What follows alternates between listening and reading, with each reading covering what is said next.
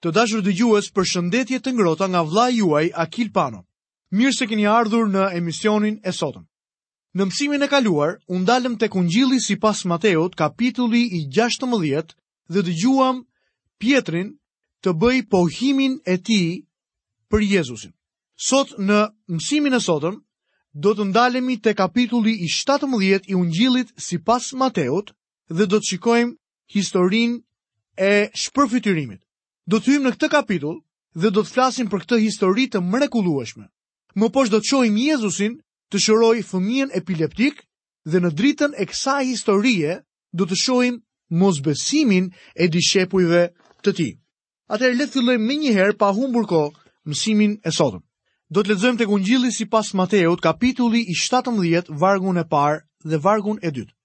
Mbas gjashtë ditësh, Jezusi mori me vete Pjetrin, Jakobin dhe Gjonin, vëllanë e tij, dhe i çoi mbi një mal të lartë në vetmi, dhe u shpërfytyrua përpara tyre. Fytyra e tij shkëlqeu si dielli, dhe rrobat e tij u bënë të bardha si drita. Fytyra e tij shkëlqeu si dielli. Drita shkëlqeu nga brenda tij më fort se sa mbi të, nga jashtë si një dritë prozhektori. Në këtë pikë, më lejoni të bëj një sugjerim që ndoshta mund të ishte e njëjta gjë që e veshi Adamin dhe Evën përpara rënies së tyre në mëkat në kopshtin e Edenit. Pasi mëkatuan, ata zbuluan që ishin të zhveshur. Ndërlikimi është se ata nuk ishin të zhveshur më parë, gjë e cila më bën të besoj se ata ishin të veshur me këtë lloj drite. dhe ishte ajo pjesë e njerëzores tek Jezusi, e cila u shpërfytyrua. Shpërfytyrimi deklaron qënien absolute të Jezusit njeri. Fjala shpërfytyrim është një fjalë interesante. Është metamorfoza e fjalës që do të thotë një ndryshim i formës ose strukturës. Larva e vogël me anë të procesit të metamorfozës do të bëhet një ditë një flutur e bukur. Ky trup që kam sot i mbushur me sëmundje do të transformohet një ditë dhe ata që janë të gjallë në ardhjen e Krishtit do të ndryshojnë, do të shpërfytyrohen. Kjo është shpresa e njerëzimit.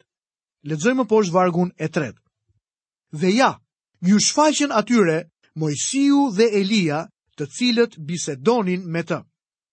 Mojsiu ishte përfaqësuesi i ligjit, ndërsa Elia ishte përfaqësuesi i profetëve.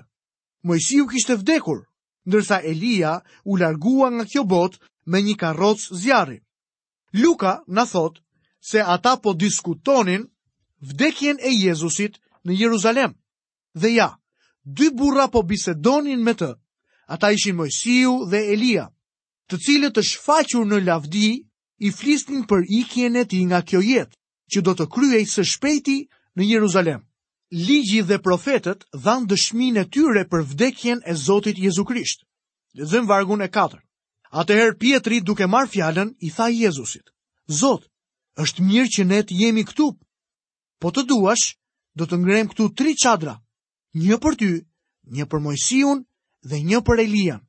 Simon Pjetri nuk mund t'i rezistonte dot kurrë një mundësie për të folur. Çdo rast ishte i favorshëm për të. Ai në përgjithësi nxitohej sa herë që fliste dhe zakonisht thoshte gjënë e gabuar. Ndodhi kështu deri ditën e Pentakostit. Gabimi i tij qëndronte në faktin se ai fliste kur duhej të mos fliste. Vetë Zoti e qortoi atë sepse siç do ta shohim, ai po përpiqet të vendosë Mojsiun dhe Elian në të njëjtin plan me Zotin Jezus. Luka na jep shpjegimin për këtë pamaturi të Pjetrit duke thënë, por ai nuk dinte ç'thoshte. Dhe ka shumë njerëz të cilët flasin pa e ditur se çfarë thonë. Pjetri u qortua, ndërkohë që duhej të qëndronte në heshtje. Lexojmë vargun e pestë.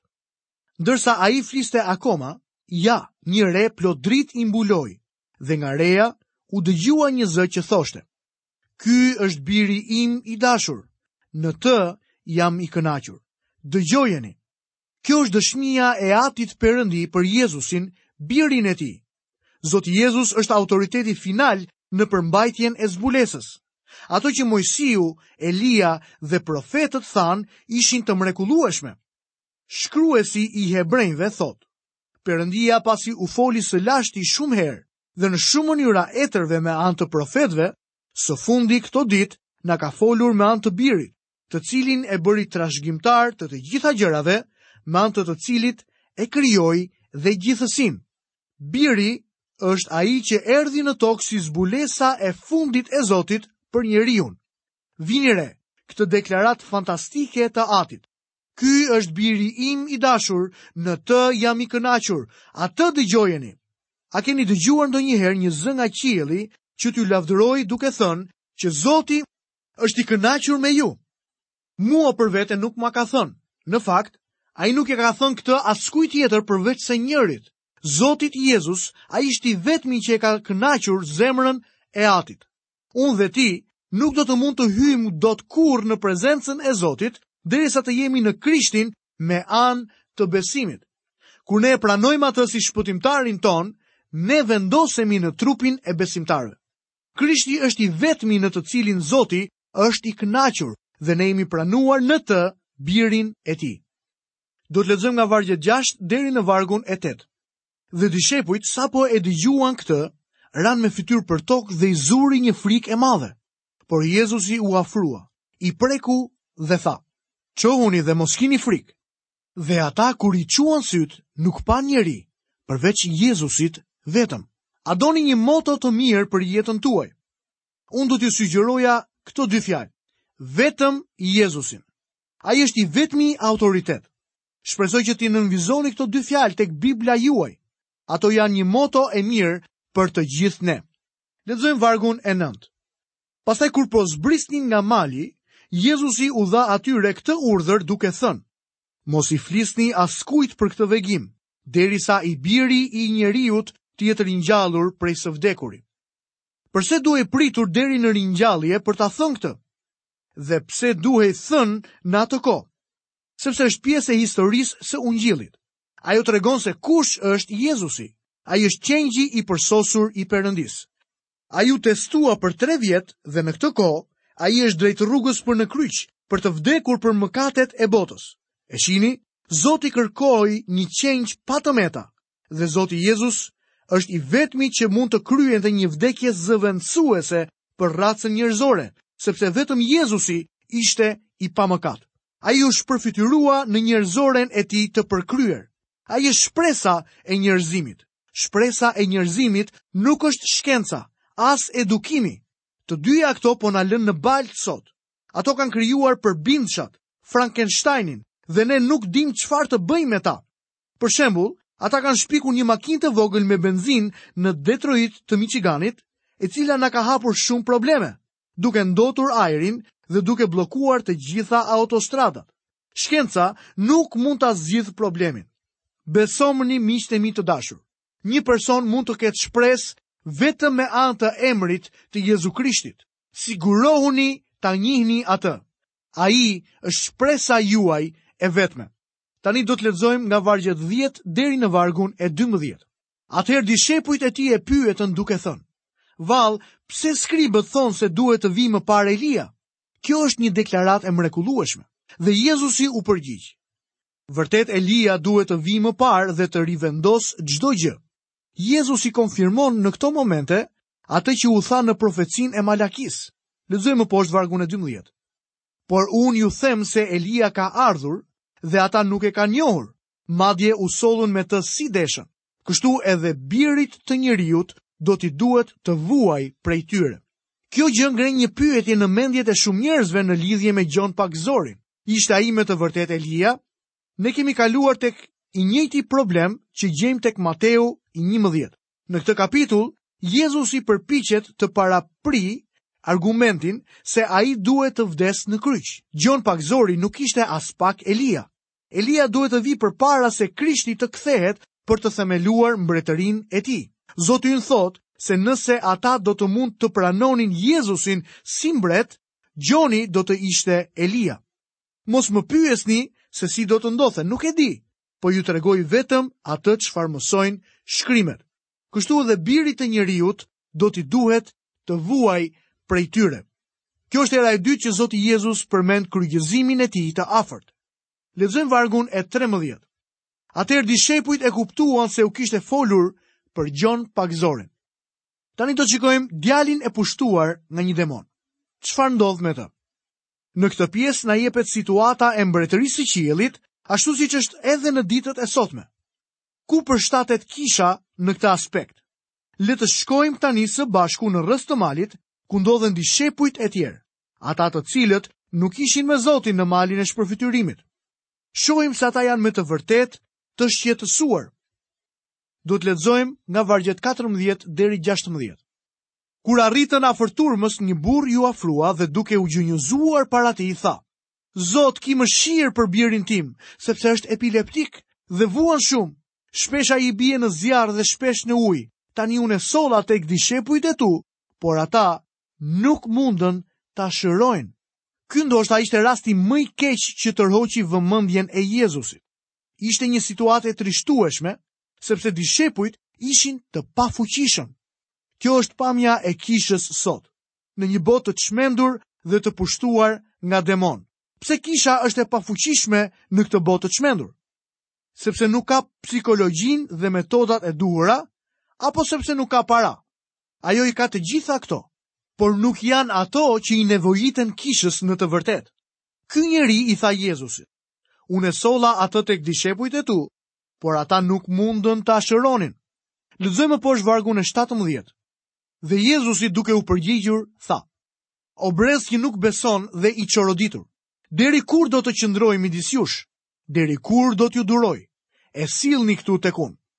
O brez që nuk beson dhe i çoroditur, Mund të jetë fjala e tij edhe për kishën e ditëve të sotme edhe me shumë mundësi personalisht edhe për ty dhe për mua.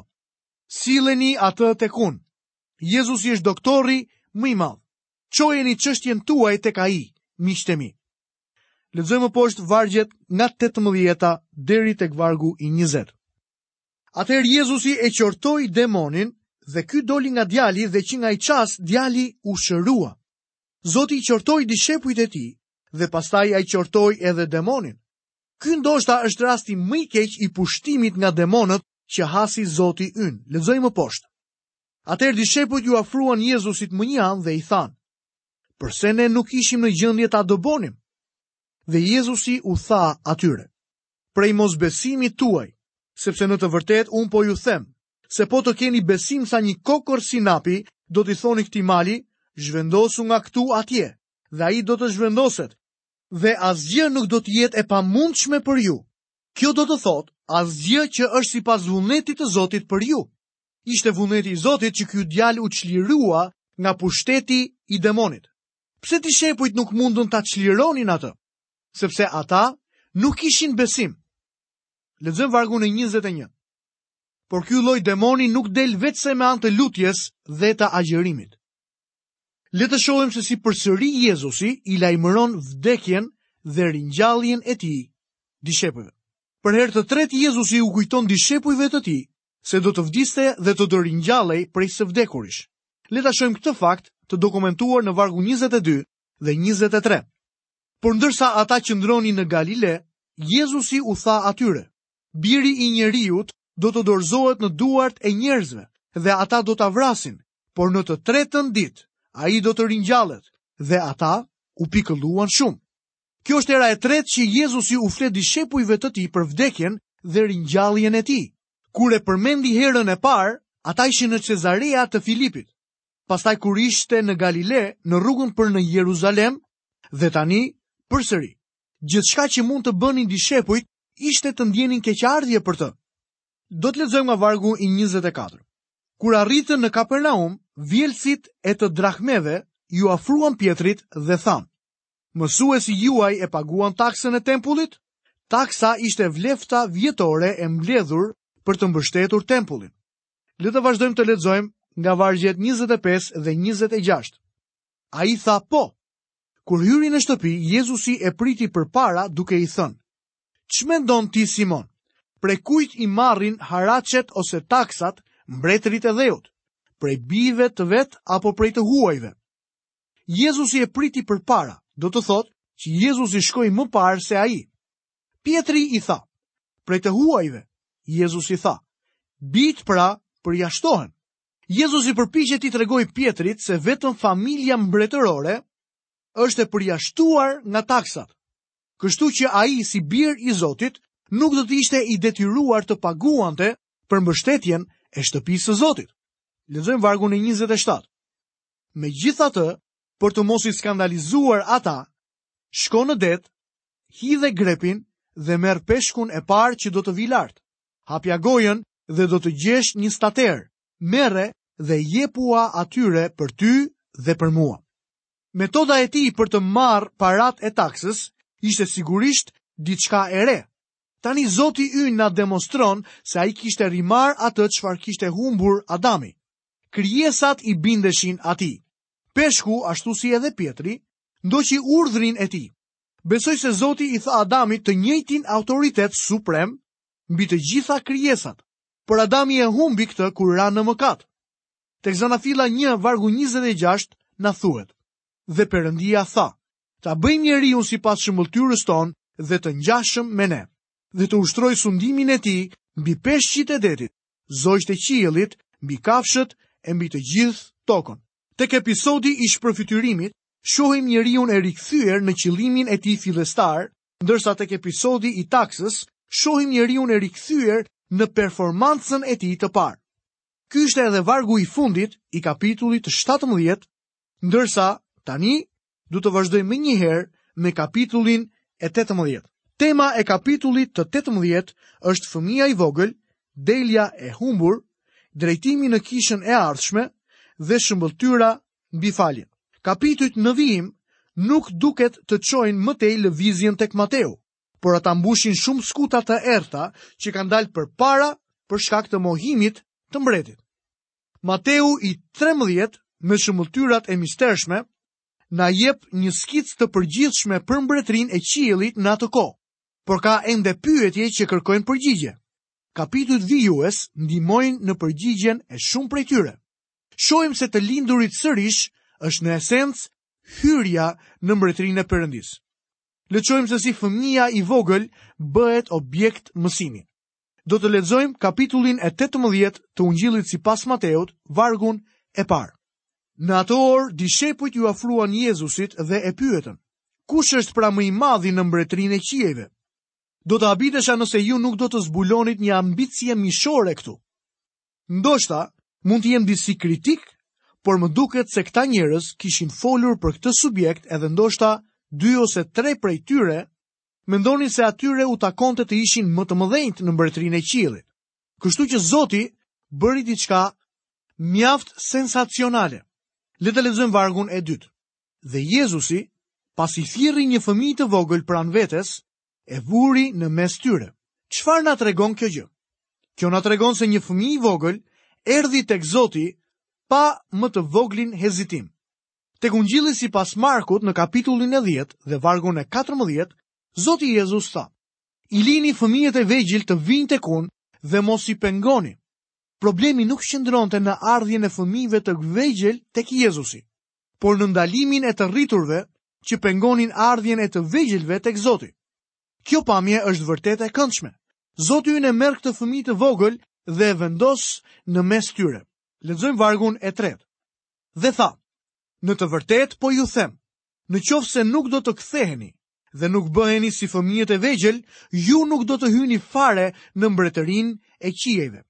Ky varg është keqkuptuar shumë dhe me të është abuzuar shpesh. Por kujtoni, Zoti Jezus është duke folur për një konvertim dhe jo për një rikthim. Disa njerëz mendojnë se ky varg nënkupton që ju duhet të ktheheni prapa në fëmijërinë tuaj në disa mënyra të pazakonta ose që ju duhet të ndryshoni veprimet tuaja për të hyrë në mbretërinë e Zotit. Zoti nuk po flet për një kthim mbrapa në fëmijërinë e mëparshme, por për më tepër për të filluar një jetë të re. Këtu Zoti ynë korrigjon të menduarin e dishepujve dhe largon vëmendjen e tyre nga çështja e të mbajturit të një pozicioni të lartë në mbretëri, në atë çka ishte më e rëndësishme, domethënë që fillimisht të ishin të aftë për të siguruar hyrjen e tyre për në mbretërinë e Perëndisë. Kjo është po aq radikale, sa edhe Gjoni në kapitullin e tretë dhe vargun e tretë thotë. Jezusi iu përgjigj dhe tha, në të vërtetë, në të vërtetë, po të them, që nëse një nuk ka rilindur, nuk mund ta shohë mbretërinë e Perëndisë. Ajo që theksohet në këtë varg është rilindja. Ju duhet të bëheni një fëmijë i vogël në kuptimin që ju duhet të lindni sërish. Kur ju lindni sërish, ju lindni si një fëmijë nga ana shpirtërore. Të dashur dëgjues, këtu kemi mbërritur dhe në fundin e programit të sotëm. Në mësimin e ardhshëm, do të flasim për kapitullin e 18 të Ungjillit sipas Mateut dhe do të ndalemi në disa mësime mjaft të rëndësishme që do të nxjerrim nga fjala e Perëndisë. Por këtu, ne do të mbyllim programin e sotëm. Ju falënderoj që keni qëndruar së bashku me mua për gjithë këto minuta dhe nga unë vëllai juaj Akil Pano, keni të gjitha bekimet e Perëndisë dhe paqen e tij në jetën tuaj. Bashkë mirudëgjofshim në emisionin e ardhshëm.